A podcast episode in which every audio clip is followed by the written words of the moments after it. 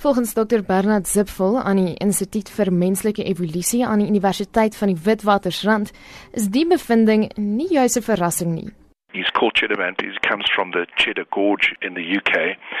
Is dark skinned, and they found that his DNA shows that he had an origin probably in the Middle East, and that uh, that was where these first Britons actually came from, and that in modern days, about 10% of all so called white British people have a connection to these origins that Cheddar Man has.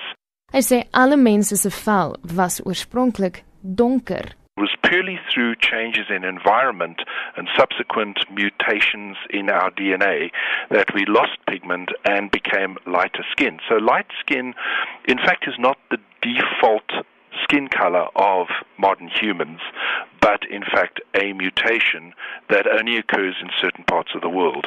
I'm not entirely sure when the first lighter skinned people were found, but it would have been quite recent. I would say that your northern Europeans, the very light skinned, blonde, blue eyed people, would have been quite recent, only, only the last few thousand years.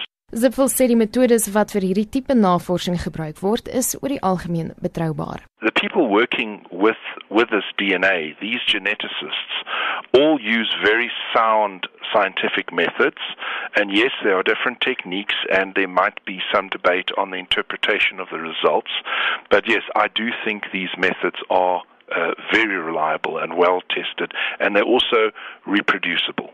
Volgens hom is hierdie 'n bewys van 'n gemeenskaplike oorsprong. Intussen kan ons selfs meer veranderinge verwag in ons voorkoms weens die omstandighede waarin ons vandag woon. We only had subtle mutations adapting to different parts of the world and that's why people look different.